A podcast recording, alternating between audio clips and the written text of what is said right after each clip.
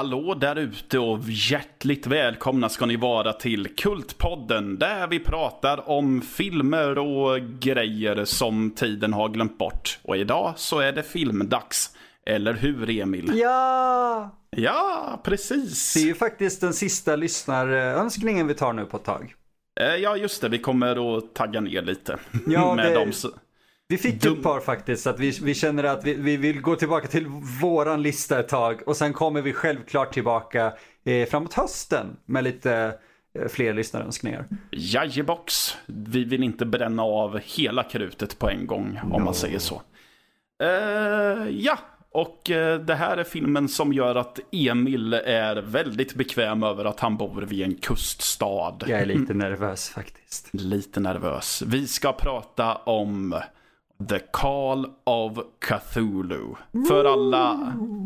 För alla Lovecraft-purister så vill jag bara tillägga att vi kommer att uttala Cthulhu typ så. Ja, alltså vi, vi tänker inte ens be om ursäkt här nu, utan vi kommer uttala det så som vi ser det. Ja, för jag vet att namnet är, namnet är ju designat för att, ja men, det är ingen männi- det är på riktigt ingen människa som ska kunna uttala det. Men jag har hört någonstans att det typ ska uttalas eller något sånt där, men då, Fan, är du dansk? ja, men jag vill inte slämma ner min mikrofon. Bra val, bra val. Ja, lite så. Eh, yes, det är en film från 2005. Den är gjord av en herre som heter Andrew Lehman. Som förutom den här har gjort en film som heter Whisper in the Darkness. Som För- också är en... eh, eh, ja, Whisper in the Darkness har han ju varit med och gjort. Han har inte regisserat den. Nej, men han har varit med och gjort den. Ja, precis. Ja, exakt. Förlåt. Det är ju också en Eh, Lovecraft-historia. Precis, han har skådespelat i den i alla fall. Jaha. Mm. Ja, han spelar Charles Fort, inte för att det säger mig någonting alls. Jag har nog inte läst den, så nej. Ja.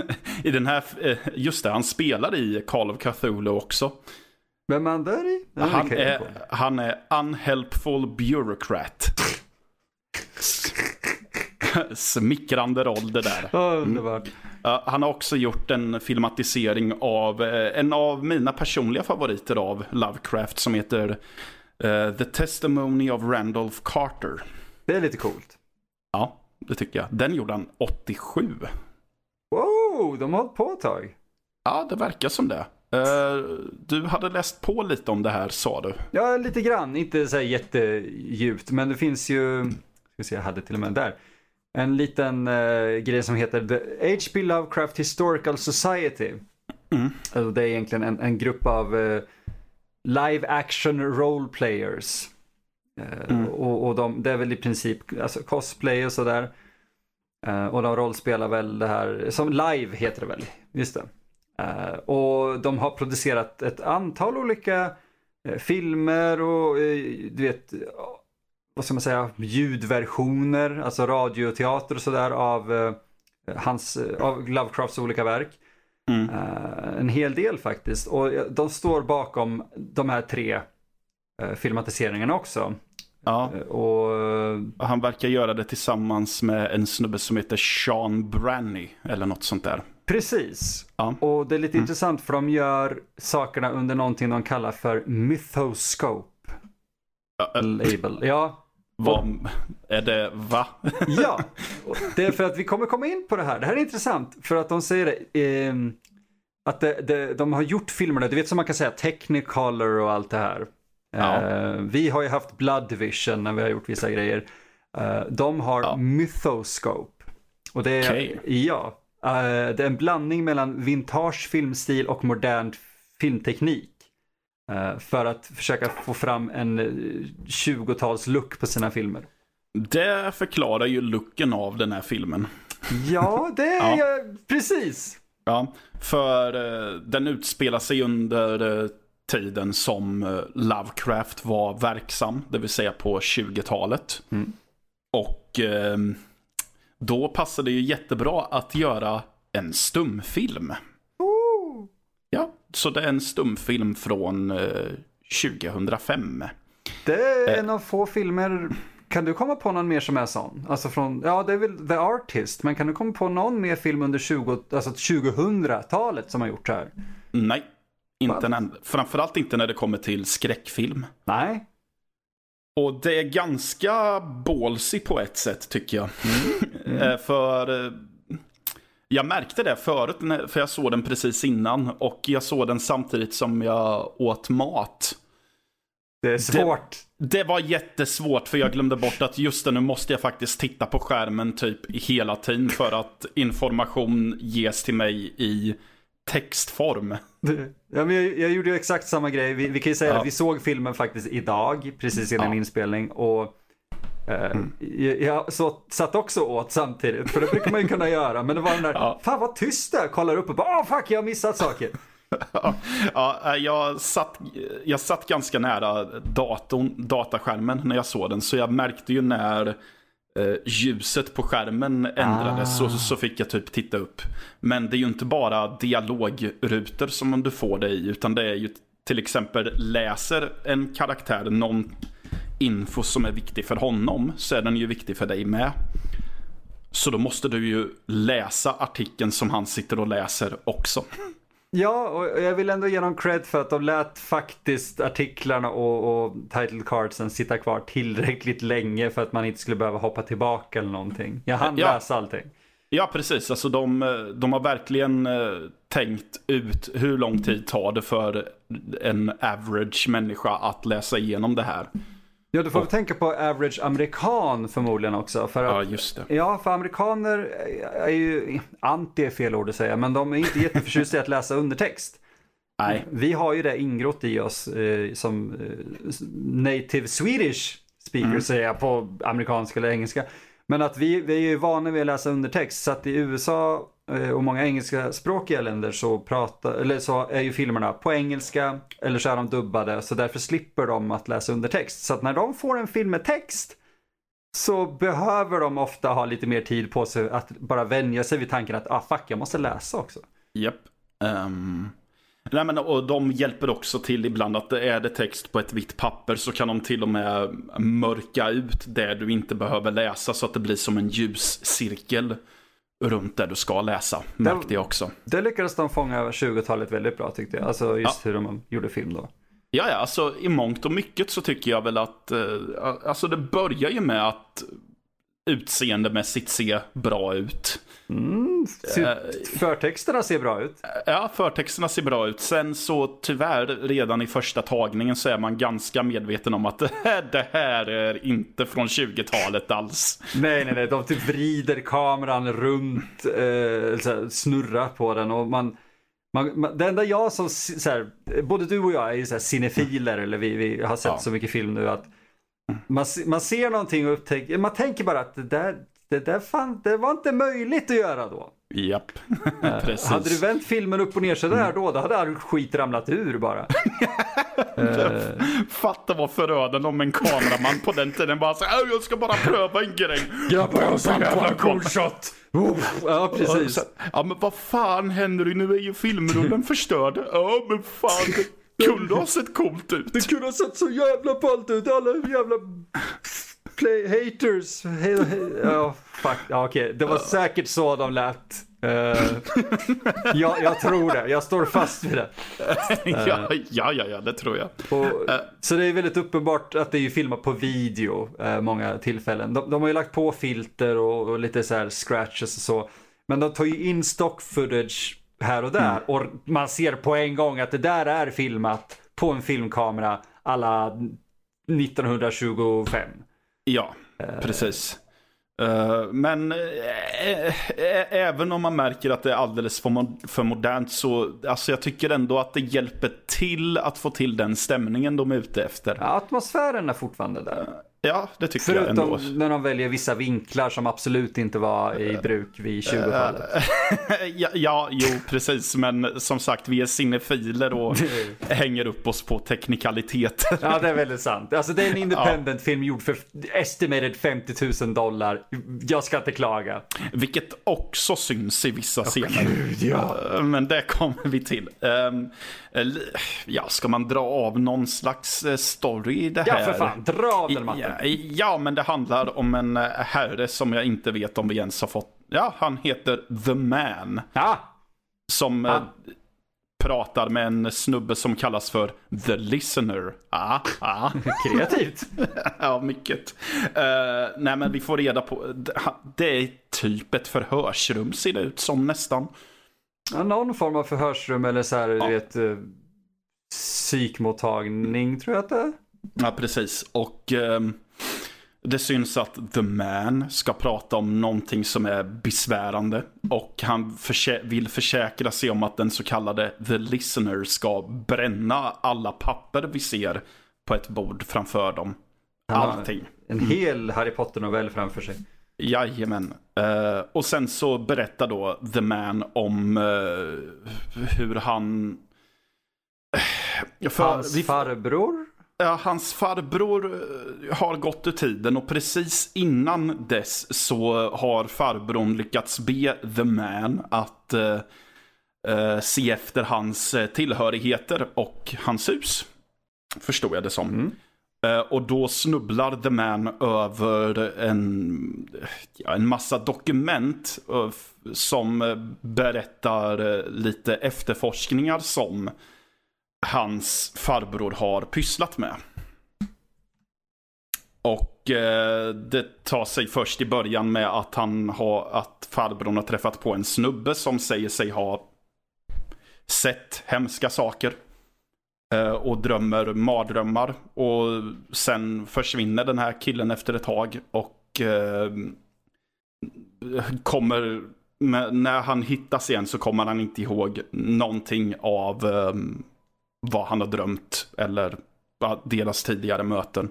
Ja, för det är ändå ett snyggt sätt att de, här, vad, vad är det du har att berätta eller vad kan du, vad har du Mm. varit med om? Och så drömmer han allting och han säger i princip att det, det du drömmer är långt Mm. mycket äldre än någonting jag kan ge dig i handen. Mm. Det Just det, för, ja precis. För han vill ju att, far, just det, för han vill ju att farbrorn ska undersöka ett objekt. Mm. Eh, som do, farbrorn påpekar, det här är inte gammalt. Och då kommer ju det där. Det är ju så de träffas. Mm. Ehm, ja.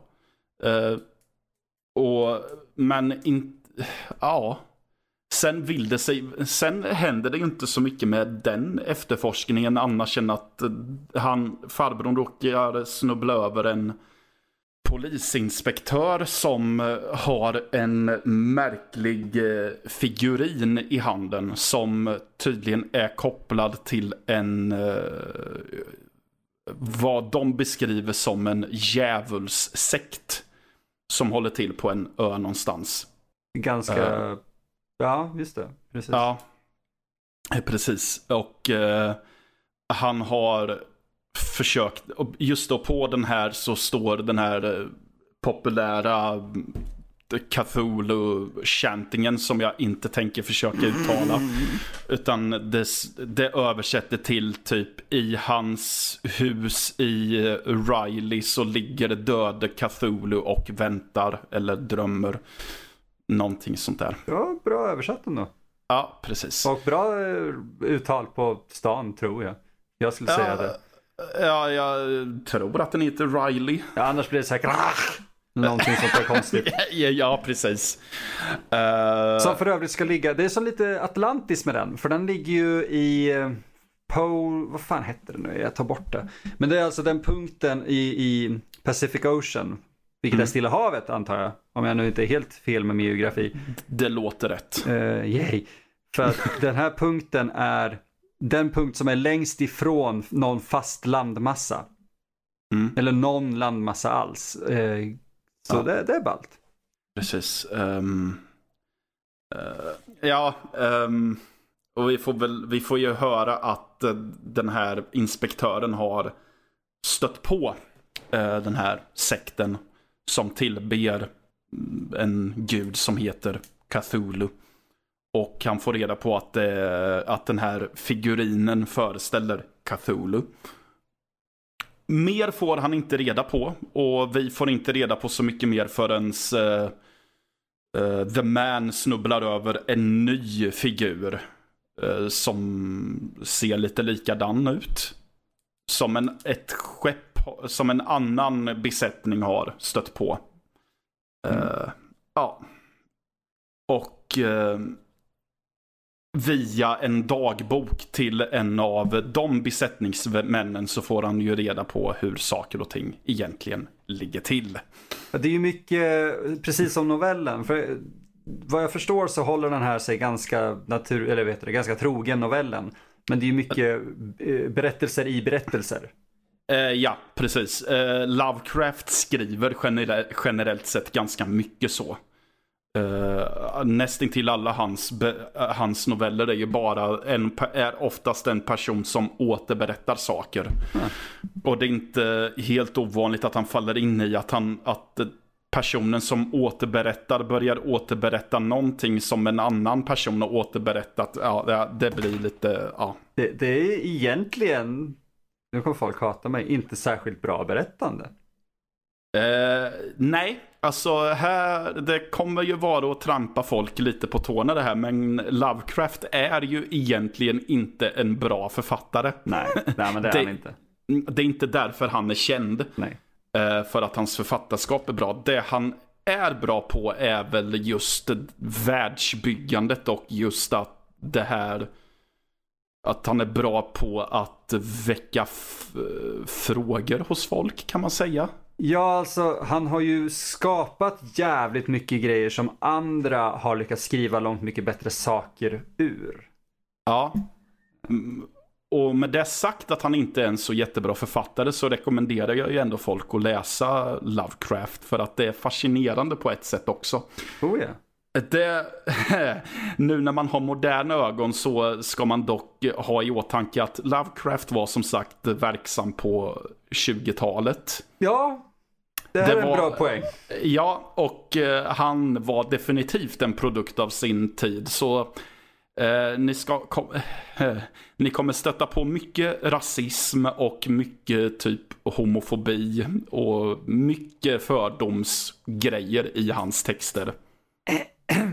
Inte från karaktärer utan från författaren mm. själv. Det är så det är skrivet. Ja, han var ju inte den trevligaste människor och han ansågs väl inte helt vara helt stabil heller genom åren här för mig. Uh, nej, precis. Uh, och vi håller det där slutet lite diffust, känner jag, ja. uh, om vad som försiggår egentligen. Men vi kan väl säga att det har ju med guden att göra och hans hemstad. Ja, det har ju med ja, ja. en av, bara för att till, tillbe de här, uh, våra kära lyssnare som kanske är mer insatta, det har ju med en mm. av the elder gods att göra om jag nu inte är helt ute och cyklar. Eh, nej men det stämmer. De kallas nog också för The Ancient Ones. The Ancient Ones, just det. Eh, som eh, gudalika människor som befanns på jorden innan livet självt. Och att det finns jättemånga profetior i Cthulhu-mytosen att det kommer komma en tid då de kommer att vakna. Och eh, ja, vilja ta tillbaka det som är deras. Och det är känt att alla människor Yay. kommer att dö en långsam död. Och plågsam sådan. Om man inte är en eh, dyrkare av dem. För då får man äran att dö först. Och mer skoningsamt. Ja, jag gill... Har jag förstått det som. Det är det som, det, det, är det som är så fantastiskt ändå, just för att de, de, han, han leker väldigt mycket med det här. Uh, uh, ja men människan är fucked, ni, ni, är helt körda från början. Men om ni dyrkar mig, då är det lugnt, ja. då kommer vi döda er först. Inte där ni kommer få överleva och bli slavar eller ja, någonting, utan precis. ni dör först. Så, um, mm. jag, jag kan gå med på det. De har ju, de, de sista grejen vi ser är ju faktiskt, det mm. kan vi säga utan att det spoilar någonting, men då ser man just en av de här textrutorna, inte, inte en replikruta, eh, utan någon som läser en ja. del ur ett av de här dokumenten där det står just Uh, ja. ja. det här som Matte sa där. Ja, mycket snyggare formulerat. formulerat Faktiskt, jag tog bara det tematiska av det. Uh, ja, ja. Ja, det fick vi fram det. Uh, men den är snygg, den slutbilden. Det, ja, som sagt. atmosfärsmässigt så gör den här filmen ett väldigt bra jobb i att vara så jävla illavarslande hela tiden. um, oh ja, alltså det, det, den, är, den är ganska mm. fantastisk på det viset. Jag, jag har nog inga... Regimässigt och sådär så tycker jag att den funkar bra för jag har nog inga stora klagomål förutom just de tekniska begränsningarna som kommer av 2005 ja, videoteknik. Och det håller jag med om. Uh, alltså, och det som poppar ut mest det är just när det kommer till effekter och det visuella. Som när vi ser den här mm. sekten på den här ön. Det är så oh, uppenbart att de står framför typ en green screen. Ja. Ja, och inte bara en grupp människor utan samma grupp människor som har stått på olika ställen på greenscreenen och sen klippts, äh, så här, kliss, klipp och eh, klistras ja, runt precis. en eld. Det, det sticker i ögonen på ett så jävla dåligt sätt. Och då, hade, då tycker jag att det hade sett helt okej okay ut ett tag. Uh, ja, om de inte hade visat alltså, så jävla mycket Alltså jag menar filmen tills dess hade, hade generellt Jaha, sett, sett helt okej okay ut. Ja, ja mm. den hade alltså ganska många så här, tyska, tid, tid, tidig tysk film ja. hade ju den här German expressionism. Alltså väldigt mycket drömlika bilder med saker som jag tror folk idag se, känner ja. igen från Tim Burtons filmer, det här snea, ja. valv och sånt där. Eh, de leker väldigt mycket med sånt. Och det är intressant med tanke på att, eh, nej, nej. ursäkta att jag avbröt det kanske, men uh, just Cthulhu och många eh, Lovecrafts historier har ju ansetts vara ofilmbara på grund av att den beskriver saker som Precis, inte alltså finns. Det, det är mycket i mm. hans noveller som är typ att det är obeskrivligt eller det mänskliga sinnet kan inte förstå det det ser. Mm. Ja, och det, de, jag tycker de faktiskt i den här 50 000 dollars eh, independent-filmen lyckas frammana ja, Framförallt i mardrömsscenerna tycker jag. Ja, det är framförallt snyggt. där de leker mycket med eh, expressionist eh, settings och grejer. Tanken, vilket passar ja. sig jättebra. Min favorit är ju när The Man drömmer en mardröm efter att ha varit helt insupen i eh, farbrorns dokument och han är i en expressionistisk mardröm där all, alla sätt är gjorda ah. av böcker. Ja, det är ah, skitsnyggt det är tycker jag. Eh, så mumma ja. för själen. det, det, är mumma. Men sen kommer just de här jävla eh, katastrof green screensen och bara Ja, precis. Den kommer, eh, det är därför man blir så ledsen på just den scenen. För det har sett så snyggt ut och sen kommer den eh, katastrofen. Som jag vill kalla det för. Ja, det är ändå... Ja, men det är ju en liten katastrof, alltså rent tekniskt sett. Och för att det är lite ambitionen är större än vad de kan göra. Och ändå har de lyckats, jag beundrar dem för de har lyckats göra filmen. Men man märker verkligen att de där, de där pengarna, de, de, de dras verkligen ut till sin spets för att ja. få det här att funka sen, överhuvudtaget. Och sen är det ju lite liknande känner jag väl i eh, sekvensen när de kommer till den här sjunkande staden Riley. För det växlar ju mellan mm. att, för där, är, där är vi ju återigen tillbaka till uh, det expressionistiska på ett sätt. För det är väldigt designat på det sättet. Um, ja. Ja men det, det är och ju. Det, är ju... det växlar ju, för det, ja. och det är ju så uppenbart ett sätt. Men jag hade svårt att faulta dem för det just för att ja, men på ett sätt är det ju tidsenligt med vad de försöker göra också. Men det tar inte ifrån att det ja. faktiskt såg billigt ut.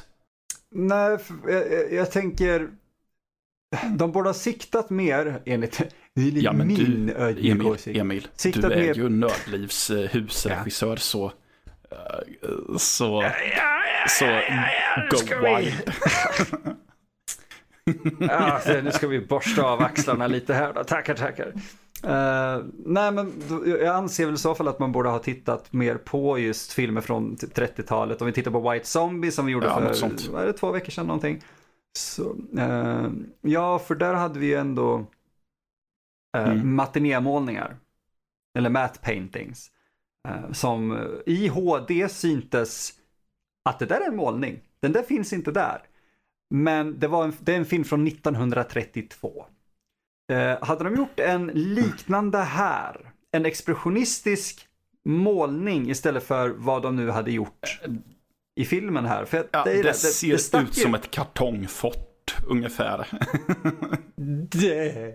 Jag ger mig fan på att det där de använt. För det är mycket Ja. miniatyrer. Och jag tror bara att miniatyrer var fel sätt att närma sig. Det är inte Nej. King Kong vi pratar om. Det är Call of Cthulhu gjort för 50 000 Mm. dollar 2005.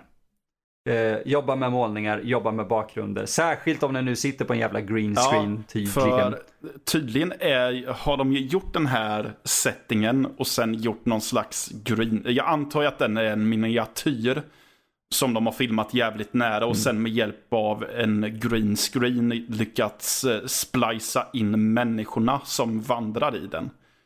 Eh, Nej, Ja, det är inga men svårigheter det syns egentligen. ju så tydligt också. Ja. Exakt. Och jag hade nog kunnat köpa den grejen mer om, om, set, om set-designen inte hade sett så billig ut. För de här statyerna som är i Riley, de ser så jävla kartongiga ut. Ja, det, det är på gränsen till för, eh, att, att det inte är charmigt. För filmen i sig har ju som du, du har sagt är en väldigt, Ja. väldigt stark atmosfär. Och sen man sitter där och man, man, Mm. man är faktiskt inne i det. Och sen kommer det just de här statyerna, jag vet exakt vilka du pratar om. Eh, Och man får känslan av, ja, Ja, jag kan också göra B-film. Mm. Och det är så synd. Ja, och sen... Det är så synd. Alltså just eftersom att vi pratade om att, om att Lovecraft är ju mycket för att ehm, ja, men inte berätta vad karaktärerna i novellen ser, utan det är typ obeskrivligt. Du kan, han kan ge lite hintar, typ att ja, men jag såg någon tentakel, jag såg någon hand, jag såg någon klo. Men du får aldrig en detaljerad beskrivning av hur de här Ancient Ones ser ut. Förutom i Mountains of Madness. Då, Ja, han har väl gjort några ja, precis. illustrationer. Och det finns ju några som har tagit också. på sig att eh, typ måla hur de ser ut också. Ja, Jag vet fan vad jag heller. tycker om Men... alltså. eh, För, ja, det blir väl en liten spoiler, men eh, det hade nog folk förstått att det var dit det skulle hän. Men Cthulhu Mm. vaknar ju, faktiskt.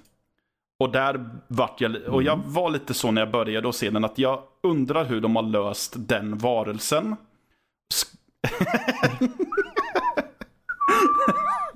Ja, jag, jag tänkte, så kommer de bara och kommer de att jobba subtilt? Att typ vi får se två händer, vi kanske får se skuggan av den eller... Eh, ja. Ungefär lika Ja, subtilt som analsex. ja, det... Vi har ja, explicit, var jag får säga saker. Okej, ja. Nej men precis, Precis som jag blev när jag precis såg så eh, subtil är den, som Emil sa.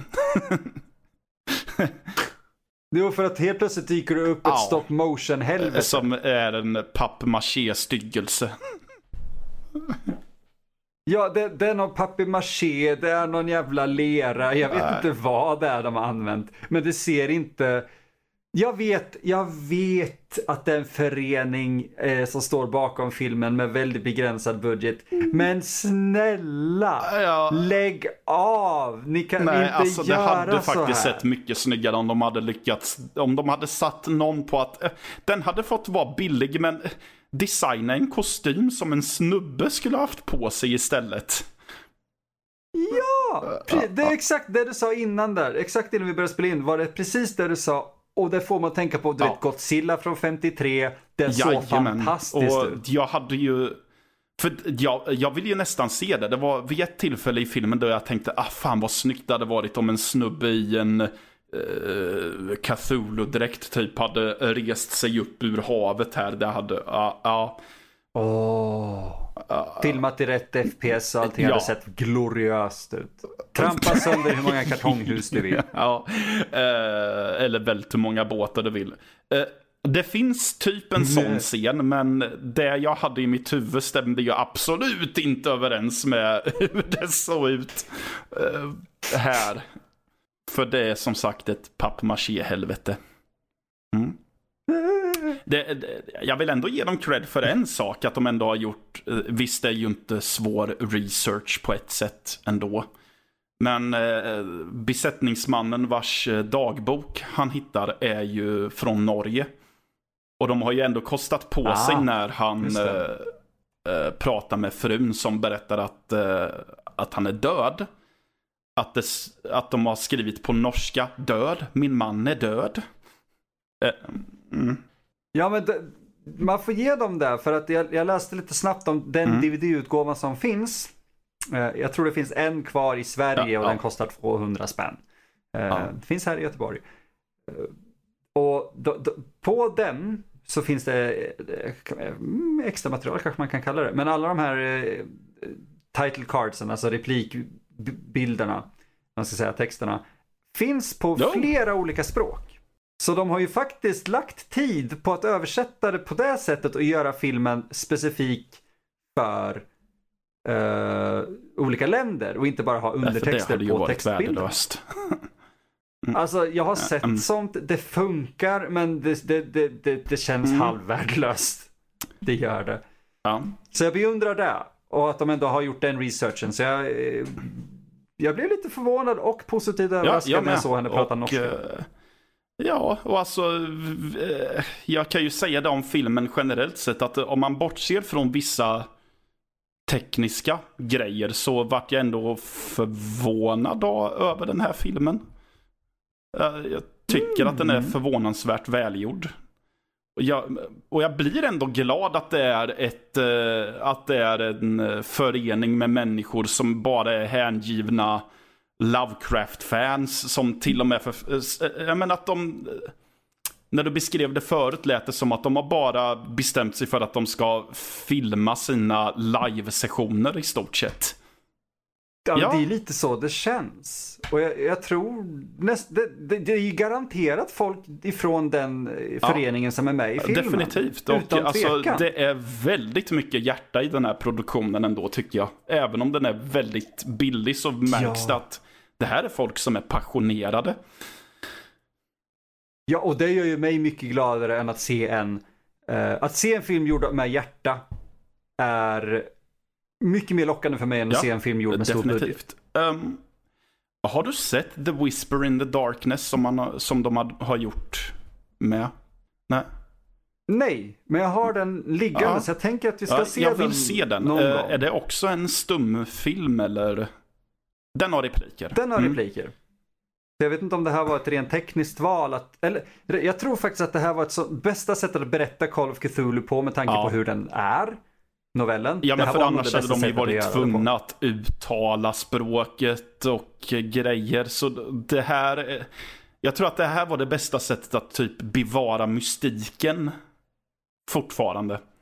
Mm. Eh, Men de, jag, jag håller helt med dig där och det är det jag är sugen på när ja, de gjort med Whisper in the Darkness också. också i alla fall. Ja, det, det, det tror jag nästan de här måste vara för att behålla Ja, atmosfär. Det, det, det är sant. Eh, Men, men vad tror du om, du, de har ju gjort en, det här är ju så kul för eh, föreningen Jaha. grundades 1984. Mm. Deras första film är ju Testimony of Randolph Carter Mm. som kom 1986 tror jag. Ja. Du har läst den. Hur tror du den är Eh, som jag film? tror att den är intressant. Men svår Mhm. att få till. För väl, mesta delen är, är sett ifrån en mans perspektiv som lyssnar på en annan man ifrån en uh, walkie-talkie. Jag är fruktansvärt fascinerad över Eh, det. så jag tycker att det är intressant att det finns en filmatisering och jag är nyfiken hur de har gjort det. Jag, jag vill, jag, den, den var, Whisper in the Darkness och Cthulhu var inte Nej. så svåra att få tag på. Den här är svår att hitta. Jag, jag tror det finns en Blu-ray, nej inte en Blu-ray, förlåt mig, en DVD av den på föreningens hemsida. Men den- det, det, kostar Ja. föreningspriser också. Uh, vilket säkert är billigt egentligen om man tänker efter, men, men nej. Inte från USA med frakt och skatter Ja, och tyvärr allt så med ändrade handelsavtal och grejer. Vi ska inte bli för politiska, men på grund av de grejerna så är det jobbigt att importera grejer från USA nu för tiden. Ytterst. Det är, det är knappt ett alternativ längre. Om man inte känner någon som kan skicka grejerna och då är det billigare om, som gåva. Men hur, mycket, hur ofta vill man göra mm. det? Det är krångligt nog. Uh, men jag är väldigt fascinerad över den här föreningen och vad de lyckades göra ja. för så lite pengar. Det, det tog ju två mm. år tror jag att göra filmen. Uh, och vi kan ju påpeka det, jag tror du sa det tidigt men återigen då att den är bara Ja, nej jag tror inte att jag sa det. nej. Sa du inte det? Ja. Okej, den är bara 47 så, minuter lång. Så är ni sugna på DVDn, bara... ha i... ja, eh, visst det blir ja. väl svårt att se den på ett annat sätt. Men ha i åtanke att ni ger typ 200 kronor för en visserligen, ja men, ganska bra film. Men som bara är 47 minuter lång. Ja, men är ni hardcore-fans av Cthulhu ja. och Lovecraft eh, så skulle jag definitivt säga att köper ni det så går ju pengarna till föreningen och ni vet att pengarna hamnar på ett ställe där ja. de kommer uppskattas och ni kommer uppskatta och förstå varför jo, den här DVDn kostar 200 spänn. Uh, ja, som sagt, filmen är ju bara 47 minuter lång så jag vet inte hur mycket mer jag kan säga om det. Ja. Nej, vi skulle kunna sitta och prata om ja, mytosen och sådär men, men vi, nej, vi kan alltså, inte har, tillräckligt. Jag har läst helt okej okay, mycket Lovecraft. Just den här har jag inte läst. Eh, jag hade tänkt att jag skulle läsa den innan men jag, och, jag, jag orkade. jag hade inte tid och jag orkade inte plocka fram min eh, novellsamling så Nej, alltså det, vi, vi, borde ju många gånger läsa vissa saker innan vi ser en filmatisering av det. Men, men tid, tid alltså det, det, går inte. Mm. Mm. Ja, ni ska, ni, ni, ska veta det. Vi, vi, ja. vi gör vad vi kan för det. Men vi har inte tid att läsa allt som är, grundar sig, eller spela allt som saker grundar sig på. Ja, just Zelda. Jävla spel. Uh, men uh, jag vill ju bara då mm. passa på, för jag glömde faktiskt säga det. Det är ju faktiskt uh, Nördlivs egen Danny. Ja, och då blir han extra glad när han får reda på att ja, det är både en norrman och en norska med. ja. Ja, ah, Danny, ni, ni, ni har med Cthulhu att göra, det, jag vet det. Det förekommer norrmän i flera noveller, så ja.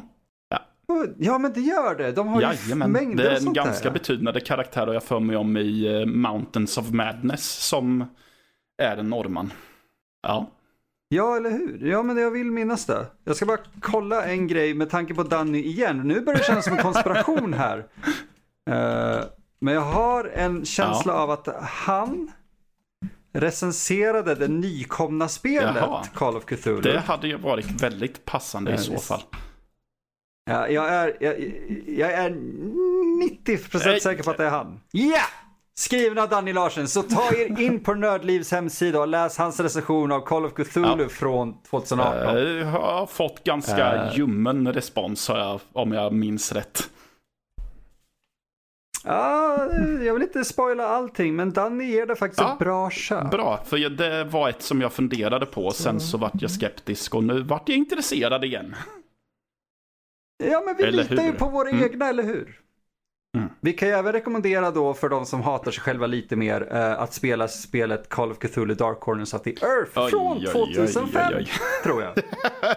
ja, det är, inte, det är inte jätteoptimerat. Det är ganska trasigt om man inte laddar Det är väldigt trasigt ärligt talat om man inte laddar ner den inofficiella patchen som finns. nu. Ja, jag gjorde nog det. För jag kom på att spelfan är ju faktiskt helt gamebreak. De har en gamebreaking bug eh, som en inofficiell patch har ordnat. Uh, men uh, det, storyn och atmosfären i, i Dark Corners of the Earth är tätare än den tjockaste dimma. Uh, och jag är imponerad över att de lyckades göra det yes. 2005. Uh, så, rekommenderar... Ja, precis. Ja, nu får du lugna ner dig här. Eh, Emil rekommenderade folk att se Call of Cthulhu från 2005.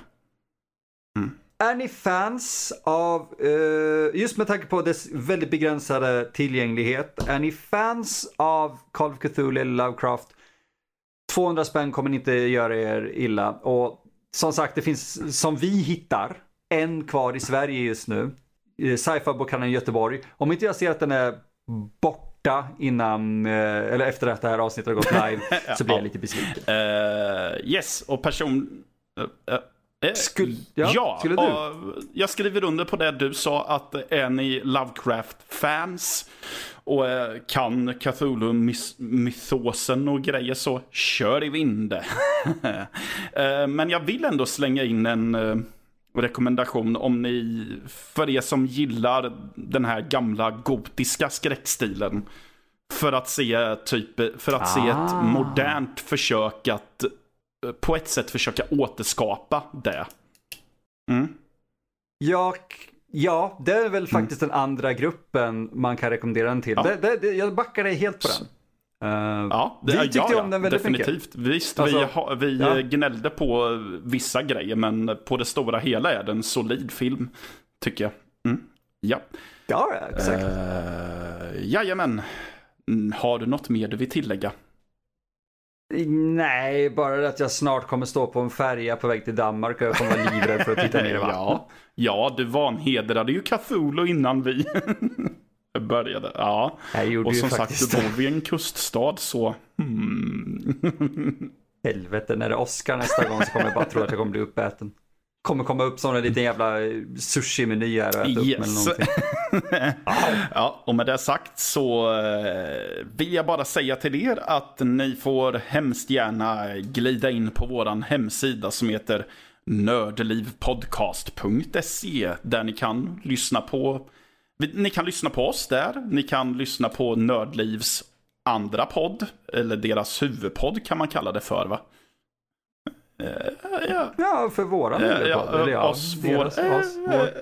eh, yes! Nördliv podcast! Eh, Emil är med, är frekvent, jag är med kan- ibland.